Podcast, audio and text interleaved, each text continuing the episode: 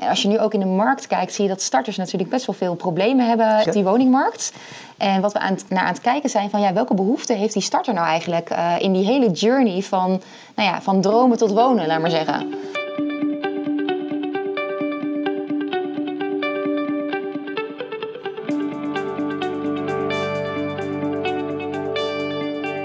Leuk dat je luistert naar de podcastserie van het boek De Strategie van de Kreeft.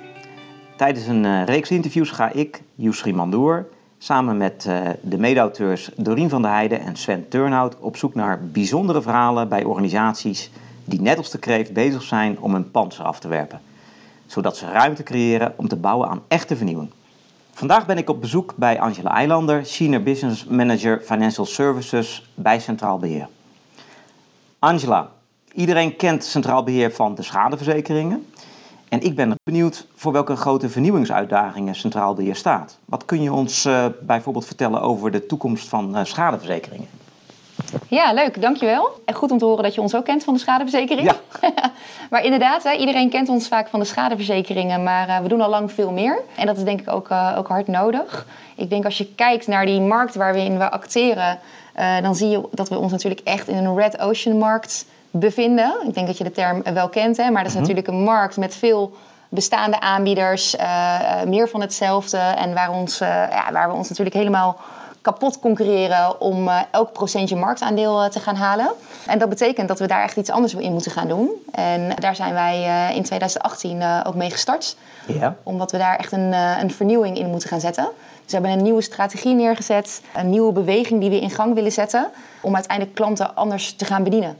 En is dat dan met name de focus op de bestaande klanten of ook het aantrekken van nieuwe klanten waar die strategie op gericht is? Nou, ik denk en-en. Dus uh, focus op bestaande klanten en ook nieuwe klanten. Hè. We hebben natuurlijk een hele mooie base bij Centraal Beheer met veel, uh, veel klanten erin. Ja. Uh, dus daar moeten we een verandering op gaan doen. Maar uh, ook op nieuwe klanten. Hè. Dus vaak is het zo dat een klant ons pas nodig heeft op het moment dat hij schade heeft. Ja. Hè, dus je hebt een autoverzekering bij ons. Daar kijk je eigenlijk hopelijk niet of bijna niet naar om. Nou ja, misschien één keer per jaar om wel even goed te kijken van uh, heb ik nog de juiste dekking. Ja. Maar op het moment dat je schade hebt, dan heb je ons echt nodig. Precies. Uh, maar we willen eigenlijk een veel belangrijkere rol spelen in die hele consumer journey al. Dus ook vooraan, maar ook daarna. En wat nou zo zonde is, is dat we soms mensen aan de telefoon hebben die een probleem hebben of een schade die bellen ons en dan zeggen we, joh, ja, helaas, het zit niet in de dekking. Maar de klant heeft nog steeds een probleem. Dus we willen eigenlijk bewegen van niet gedekt naar toch geholpen. dus we kunnen klanten verder helpen, ook als de klant niet gedekt is. En hoe doe je dat? Ik denk dat een paar mooie voorbeelden uh, zitten in, uh, in de klus, uh, klushulp die we aanbieden. Ja, hè, dus als jij een lekkage hebt gehad of als jij iets kapot hebt, er is nagelak over de vloer gegaan, nou, ik weet het allemaal niet. Hè, maar je hebt iemand nodig die dat oplost, dan kunnen wij de klushulp aanbieden.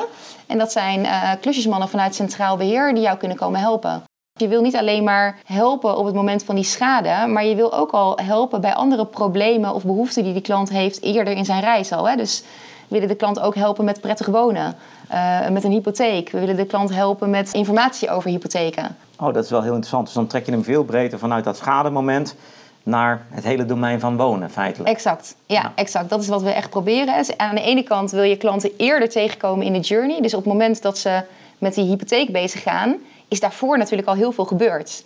En je wil eigenlijk met je merk ook daarvoor al aanwezig zijn. Precies. Nou, een mooi voorbeeld wat we daar bijvoorbeeld uh, doen is uh, de Hypotheek Academy. Dat hebben we gelanceerd. Dat is een plek waar heel veel informatie te vinden is over hypotheken. Dat gaat niet zozeer over de centraal beheerhypotheek, maar dat gaat echt over hypotheken algemeen. Eigenlijk zeggen we tegen klanten van joh, kijk daar nou op en zorg dat je gewoon goed voorbereid het gesprek ook met je adviseur aangaat. Maar door die Hypotheek Academy is het nou niet zo dat we per definitie morgen meer hypotheken verkopen. Maar we worden wel heel relevant voor heel veel Nederlanders die dagelijks bezig zijn uh, met nadenken over een hypotheek. En eigenlijk vinden we dat, we daar ook een stukje maatschappelijke verantwoordelijkheid pakken. Er zijn heel veel klanten uh, die gelukkig nog naar een adviseur gaan en die zeggen: Nou, ik heb echt advies nodig. Maar hoe zorg je nou dat je goed aan tafel zit bij die adviseur? Als je naar de dokter gaat, heb je misschien ook een lijstje uh, met vragen. Of als je boodschappen gaat doen, neem je ook een lijstje mee. Van ja, waarom neem je zo'n lijstje niet mee als je ook naar de adviseur gaat? En andersom, voor de adviseur is het natuurlijk ook prettig dat de adviseur niet heel lang hoeft stil te staan bij het verschil tussen een annuïteit of, uh, of lineair, maar echt met jou het daadwerkelijke advies in kan gaan. Ja. En er zijn ook klanten die zeggen van nou, ik wil geen advies, ik denk dat ik het zelf kan afsluiten. Nou, dat is hartstikke goed. Maar dan nog zeggen we, joh, doorloop dan even die academy. Want dan weet je echt zeker waar je het over hebt. Het is natuurlijk nogal wat, een, een hypotheek. Krijgen jullie daar ook reacties op van klanten? Uh, hoe ja. zij deze dienstverlening ervaren? Ja, zeker. Ja, we, klanten zijn eigenlijk heel erg blij, ook met hun klushulp. Hè. Dus die vinden het prettig dat ze toch een mogelijkheid hebben om klusjesman via Centraal Beheer in te huren. En dan ook te weten dat het van een betrouwbare partij komt. We hebben natuurlijk een heel sterk merk met Centraal Beheer. En ja, wat is belangrijk als jij een klusjesman uh, over de vloer krijgt, dan wil je zeker weten dat dat natuurlijk goed gebeurt. Juist. Dus uh, ja. dat is denk ik wel, uh, wel fijn. Ja, absoluut. Wat ik ook interessant vond, wat je net zei, was over ja, dat vroegtijdig in beeld zijn hè, tijdens zo'n klantreis. Hè. En die, de Academy is denk ik daar een heel mooi voorbeeld van. Ik kan me voorstellen dat dat nog best een uitdaging is. Van hoe, hoe vind ik nou het haakje om tijdig uh, zichtbaar te zijn voor die, voor die klant. Ja, ja, het is dus super belangrijk om te kunnen toetsen en valideren waar een behoefte van een klant zit. Want je kan wel van alles bedenken, maar als er geen behoefte is, ja, dan sla je de plank natuurlijk wel een beetje mis. Dus hè, je moet echt zorgen dat je spot-on natuurlijk iets in de markt gaat zetten waar je ook echt relevant bent. En hoe doe je dat? Hoe doe je dat? Ja, nou ja, daar hebben we denk ik wel verschillende dingen voor. Wat wij extreem goed doen, uh, vind ik, is dat wij de klant echt letterlijk in huis halen. Okay. dus wij uh, uh, houden klantarena's. Dat is vaak ja. een groep van, uh, nou ja, van 15 klanten die we uitnodigen, waarmee we dan met een onafhankelijk gespreksleider in gesprek gaan ja. over de dienstverlening en de producten van Centraal Beheer. Altijd heel spannend, maar ook echt super waardevol en heel erg leuk. Ja. We hebben ook een klantpanel. Dat is een groep van ongeveer, ik denk, 5000 klanten, waar we ideeën ook toetsen vooraf. Hè. Dus we zeggen, nou, we hebben een bepaald idee. Uh, willen we niet in onze ivoren toren blijven zitten, maar gaan we echt vragen van... hey, is dit nou ook een idee waar jullie op zitten te wachten? En daarnaast is het ook zo dat we heel veel experimenteren. dus als we denken dat we ergens een behoefte hebben... dan gaan we dat proberen te valideren... doordat we bijvoorbeeld nou ja, iets live zetten... en gaan kijken van hoeveel tractie komt daar nou op. Hè? Wordt er opgeklikt? Hebben mensen hier behoefte aan? Nee, maar dat is heel mooi wat je nu benoemt, hè? want dat is eigenlijk het, het onderwerp met jou vandaag centraal zou willen zetten in de podcast. En we noemen dat in, in het boek ook wel de voelsvrieten van de kreeft. Hè? Die, uh, die symbool staan voor het verkennen en het echte begrijpen van de dieperliggende klantbehoeften. Van zowel vandaag als die van morgen. Ik kan me voorstellen dat uh, de, die instrumenten die jij net noemt, zo'n klantarena en zo'n klantenpanel Waar zijn jullie nu mee bezig? Uh, waar we nu heel erg naar kijken is eigenlijk een beetje op het woondomein. Hè? Dus ja. Uh, ja, ik wil een huis uh, kopen, ehm, maar wat komt daar dan allemaal bij kijken? En als je nu ook in de markt kijkt, zie je dat starters natuurlijk best wel veel problemen hebben Zeker. op die woningmarkt. En wat we aan het, naar aan het kijken zijn van ja, welke behoefte heeft die starter nou eigenlijk in die hele journey van, nou ja, van dromen tot wonen, laat maar zeggen. en daar zijn we dan dingen op aan het toetsen en aan het live zetten waar we die starter echt bij kunnen helpen. Hoe zou centraal beheer dat de gronden van die dieperliggende klantbehoeften nog beter in het DNA van het bedrijf kunnen uh, borgen? Ja, dat is wel mooi wat je zegt, want nog beter. Hè? Er zit bijna een veronderstelling in van uh, we doen het nog niet goed genoeg. uh, ik denk oprecht dat we, hè, dat we als partij echt wel voorop lopen in het feit ja. van die klant echt naar een huis halen. Hè? Want welke partijen zijn nou echt met klanten in gesprek in een klantarena en met klantpanels? Maar ik denk dat de grootste uitdaging eigenlijk ligt in de behoefte achter de behoefte te begrijpen. Hè? Dus wat ik altijd wel mooi vond is uh, hè, Steve Jobs die met de iPhone kwam, waarvan iedereen dacht, nou, dit is een idioot idee, zonder toetsenbord en hè, noem maar op. En tegelijkertijd zag hij dat er een behoefte achter die behoefte lag. Maar als je gaat kijken naar onze medewerkers, dan trainen wij onze medewerkers wel heel erg op hè, die behoefte begrijpen. Uh, we vinden het heel erg belangrijk dat we altijd verder helpen. We zeggen altijd van ja, eh, mensen verder helpen en oplossen, dat zit gewoon, dat zit gewoon in ons DNA. Hè? Precies. Wij zijn uh, een merk wat meer dan 110 jaar bestaat. Ja. En, ik, ja, en ik denk ook dat als je 110 jaar bestaat, dat je ook wel mag zeggen dat je in één ding goed bent. En dat, dat is volgens mij veranderen. Juist. Anders zou je dat niet, uh, maar, niet redden. Maar wat ik je hoor zeggen is eigenlijk van, het is niet zo van ik organiseer een aantal sessies met klanten. Nee, het moet, het moet dieper liggen, het moet in de cultuur van de medewerkers zitten. Om ja, aan de ene kant dienstbaar op te stellen, maar ook vervolgens om goed te kunnen luisteren. Ja, absoluut. Goed luisteren is denk ik echt heel belangrijk. Ik zeg ook altijd van, joh, wij hebben een, een levend klantonderzoek. Hè, want dagelijks spreken wij natuurlijk gewoon zoveel klanten. Uh, dus wat ook heel belangrijk is, is dat je al die input die je uit die klantgesprekken haalt, dat je die ook weet mee te nemen naar de teams die bezig zijn met nieuwe dingen. dus daarom hebben wij ook in uh, eh, 2018 een hele nieuwe inrichting uh, bij Centraal Beheer neergezet. Waarbij we het klantcontact echt in het hart van de organisatie hebben gezet dus waar je voorheen nog wel eens zag dat klantcontact echt een aparte afdeling is. En nou, daar wordt klantcontact gedaan en hier worden de ideeën bedacht. Dan hebben wij echt geprobeerd, en ik denk dat we daar succesvol in zijn, om het klantcontact echt in het hart van de organisatie te zetten. En dus ook korte lijntjes naar eh, de, de, de ontwikkelaars. Ja, hele korte lijntjes. Sterker nog, echt de inzichten die we bij klantcontact krijgen, gebruiken we elke keer weer in de PI om te kijken waar we kunnen verbeteren. En Angela, je hebt het eerder ook wel eens met me gehad over de beweging dat centraal beheer zich moet gaan ontwikkelen richting een warenhuis. In plaats van de focus te leggen op afzonderlijke winkeltjes. Hè? Want jullie doen natuurlijk heel veel. Kun je me daar wat, wat meer over vertellen? Ja, zeker. Uh, mooi dat die term jou is bijgebleven. En we gebruiken het echt als een, een metafoor. Ja. Aan de ene kant wil je gewoon veel meer gaan inrichten op journeys en op domeinen en thema's. Mhm. in plaats van dat je losse producten en diensten probeert te verkopen, wil je dat veel meer vanuit een journey-gedachte doen. Ja. Uh, nou, een mooi voorbeeld bij de Bijenkorf is uh, natuurlijk dat je op uh, de boekenafdeling allerlei boeken vindt. Maar als jij op de kookafdeling bent, vind je daar ook de kookboeken terug. Hè? Dus veel meer vanuit een klantgedachte. en daarnaast is het natuurlijk ook zo dat je ook veel meer wil kijken van hoe kan je nou met partners ook oplossingen bedenken. Dus je hoeft niet alles zelf te kunnen, maar je kan ook natuurlijk goed kijken naar met welke partners kan je dat nou gaan doen. En ik vind een mooie metafoor van een warenhuis ook altijd wel dat je echt een unieke, consistente klantervaring wil neerzetten. Mm dus die klantbeleving. En dat is denk ik ook echt waar wij met z'n allen voor moeten gaan. Hè? Dus onze oude voorzitter die riep altijd uh, de klant NPS van op naar NPS van 50. Kijk, en dat is natuurlijk, hè, en dat is natuurlijk wel iets waar je voor wil gaan. En in het warenhuis zie je dat het ook over een beleving gaat en een unieke ervaring uh, die je daar wil hebben. Als de focus op het warenhuis komt te liggen, hoe voorkom je dan dat je niet de nieuwe VND wordt? welke vernieuwingsslagen moeten jullie op het digitale vlak gaan maken eh, de komende jaren? Ja, ik vind het een leuke vraag die je stelt. En we vergelijken ons eigenlijk ook altijd met een soort digitaal warenhuis. En we vergelijken ons liever ook niet met de VND, maar met de Bijenkorf. Ja. En waarom de Bijenkorf?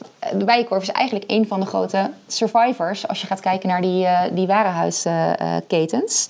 Maar wat zij natuurlijk heel goed hebben gedaan, is dat zij op een enorme experience en klantbeleving zitten. Hè? Dus het is echt een unieke, consistente uh, klantervaring. Je herkent het denk ik zelf ook wel, maar je komt binnen, vriendelijke dames, de sfeer, de aankleding. Ze zijn mooi opgemaakt, zien er altijd verzorgd uit. Um, daarnaast heeft de Bijenkorf natuurlijk ook echt wel wat scherpe keuzes moeten maken. Hè? Zeker. Dus zij hebben natuurlijk ook gewoon filialen moeten sluiten. Ja. Uh, en mensen naar huis moeten sturen. Maar wat ik wel heel mooi vind, is dat ze dus echt een keuze hebben gemaakt voor bepaalde segmenten. En nou gaat het mij niet zozeer om die keuze voor die segmenten, maar ze zijn wel heel persoonlijk en relevant geworden. Ja. dus als je gaat kijken naar uh, het filiaal in Amsterdam, dan zijn ze daar ook heel erg ingericht om uh, de Aziatische toeristen goed te woord te staan. Hè? Dus ze zorgen dat, dat de taal daar wordt gesproken. En als je gaat kijken naar uh, de Bijenkorf in Den Haag, dan zie je dat daar uh, weer een andere doelgroep binnenkomt, waar ook daar weer op wordt geacteerd. Hè? Dat ze de Haagse dames goed kunnen, uh, kunnen beleven. En kijk, wij zijn natuurlijk een financiële dienstverlener. Mm -hmm. Maar ook voor ons geldt natuurlijk dat wij steeds persoonlijker moeten worden en relevanter moeten worden. Ja, want wat, het voorbeeld wat je net gaf van die bijenkorf met die verschillende doelgroepen in Amsterdam en Den Haag. Ja. Hoe doen jullie dat? Want jullie zitten in het hele land natuurlijk. Uh, we zetten heel hard in op data. Mm -hmm. en, en, met die data proberen we natuurlijk ook gewoon uh, nou ja, goede modellen te bouwen. Zodat wij eigenlijk beter weten wanneer wij met een juist aanbod ook bij jou kunnen zijn. En hoe jij aangesproken wil worden, hoe jij bediend wil worden, waar je wel behoefte aan hebt en waar je niet behoefte aan hebt. En dat is continu testen en leren en, nou ja, en, en het model weer uh, sterker maken. Maar zo voorkom je dat je ja, dat je eigenlijk met een boodschap bij iemand terechtkomt waar je uh, eigenlijk volledig de plank mislaat. Maar waarbij je echt relevant kan zijn voor een klant. En de klant denkt, jeetje, centraal beheer helpt mij gewoon echt verder. Als je het over het warenhuis hebt, het vertrekpunt moet niet zijn de afzonderlijke producten of de productgroepen. Maar veel meer het domein of het onderwerp wat we centraal willen zetten. Zoals Ja. je dat met, met, bijvoorbeeld met wonen Ja. al eerder als voorbeeld gaf. Hè? Ja. Dus, hebben jullie gewoon een aantal thema's of domeinen en zeggen van ja, maar dat is het vertrekpunt. En vervolgens gaan we daar zowel ons product, dienstaanbod, maar ook de omringende dienstverlening daaromheen eh, ontwikkelen. Ja, ja, zeker. Ja, ik denk dat wij, als je gaat kijken naar centraal beheer, echt wel actief zijn op meerdere domeinen. Ja? Eh, waarbij we nu echt wel op dit moment focus leggen op het woondomein. en wat daar gewoon heel erg belangrijk is, kijk, het woondomein gaat natuurlijk nog steeds over een hypotheek, maar gaat ook over een woonverzekering of een overlijdensrisicoverzekering of over de verduurzaming van je woning met zonnepanelen. En wat zo belangrijk is, is dat als je alleen maar kijkt naar een product of een dienst, dan kijk je eigenlijk alleen maar naar één klein puzzelstukje. En als jij blijft kijken naar één klein puzzelstukje, dan zul je nooit zien wat er op die puzzel staat. Dus het, het, is zaak en belangrijk dat wij met elkaar al die puzzelstukjes weten te leggen. En dan ook zien van hé, hey, wat is dat grotere klantprobleem en die grotere klantbehoefte op, dat, op zo'n woondomein bijvoorbeeld. Hè? Dus op ik wil een woning kopen of financieren. Ja. Als we dat bij elkaar weten te leggen, ja, dan weet je ook gewoon waar die behoefte zit van die klant. En dit, dit klinkt vanuit een klantperspectief als een heel logisch verhaal. Hè? Ik kan me voorstellen dat het organisatorisch nog best wel wat voet in de aarde heeft. Je zegt wel, je bent 110 jaar oud, dus ja. het, het, bedrijf is ook op een bepaalde manier ja, gegroeid zoals het gegroeid is. Ehm, om dit voor elkaar te krijgen, dan heb je denk ik ook intern wel wat uitdagingen. Of zie ik dat verkeerd? Nee, dat, dat, dat zie je heel goed. Dat is een enorme uitdaging. Hè? Dus uh, je bent bezig eigenlijk met een hele grote verandering die je uh, wil bewerkstelligen. En ja, kijk, verander zo'n verandering die we nu in willen zetten, dat kost gewoon, uh, dat kost gewoon tijd. Ja. En de resultaten zijn vaak ook pas op langere termijn zichtbaar. En je moet jezelf dus ook de tijd daarvoor gunnen. En dat kan alleen maar als je ondertussen heel goed je performance hoog weet te houden op je bestaande business. Dus we proberen echt de vernieuwing apart te organiseren. En uh, ja, de performance op de huidige business natuurlijk hoog te houden. Want als het, als het daar misgaat, ja, dan ben je natuurlijk continu eh, aan het uitleggen aan, uh, aan iedereen van wat, wat er gebeurt hier. Hè? Dus ja, je moet hier een balanceeract uitvoeren die, uh, die niet makkelijk is, ja. maar wel noodzakelijk. Uh, een terugkerend thema bij echte vernieuwing. Uh, de winkel moet open blijven tijdens de verbouwing. Dat is volgens mij waar je het nu over hebt. Ja, ja de winkel moet open, open blijven tijdens de verbouwing. Dan is altijd het, het, het moeilijkste punt erin. Hier. Toch de overmatige focus komt te liggen op het, het stutten van het bestaande bedrijfsfundament.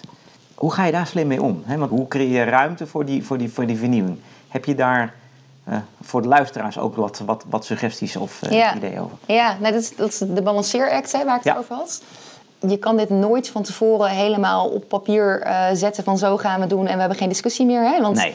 dit is gewoon dagelijkse uh, dilemma's en vraagstukken waar je tegenaan loopt. Maar ik denk dat je wel veel kan doen in de manier van organiseren.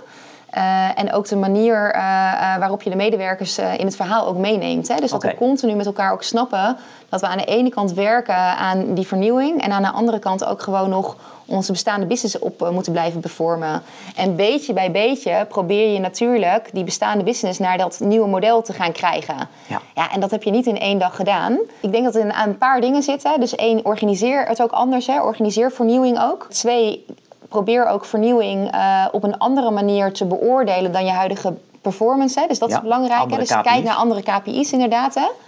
En drie, uh, gun jezelf ook de tijd ervoor dus verandering kost gewoon tijd. En, en gun jezelf ook de tijd. En uh, probeer ook vast te houden aan die koers en die strategie die je ingezet hebt. En dat is super, super moeilijk, maar dat is wel echt essentieel.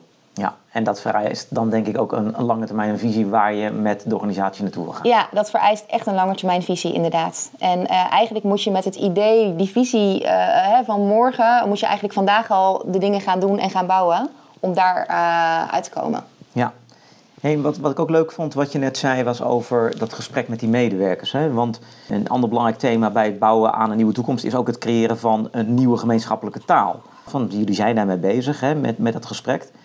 En, en helpt dat dan bijvoorbeeld ook om leidinggevenden die misschien wat meer traditioneel naar de, naar de PL-cijfers kijken, om die een ander perspectief te bieden?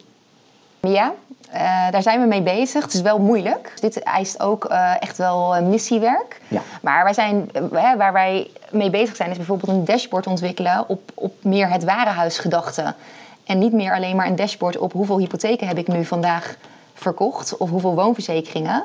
Maar we proberen mensen echt mee te nemen in een totaal warenhuisvisie. En dat is natuurlijk best lastig, want ja, hoe tel je nou een beleggingsverzekering rekening op bij bijvoorbeeld uh, de premie van een woonverzekering. Hè? Dus hoe laat je dat goed in een dashboard zien? En dat is ja, voor centraal beheer heeft natuurlijk meerdere producten en diensten. Dat is complexer dan voor een retailer die, die meer op inkoop, marge en verkoop zit. Hè? Dat is wat makkelijker.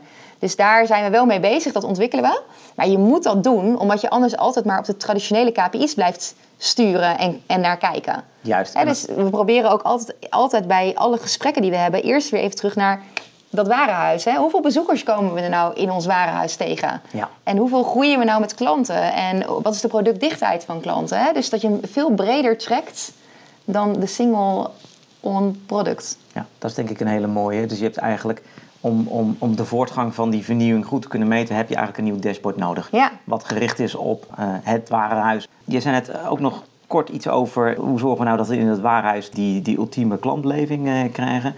De dienstverlening die jullie bieden, dat is ook een, een keten van activiteiten. Kijk, je bent zo sterk als je zwakste schakel hè, in een mhm. keten. Uh, dus je kan het heel goed doen op een onderdeel met het klantcontact. Maar als je uh, de operatie of processen daarachter niet op orde hebt, dan uh, ga je daar toch last van krijgen.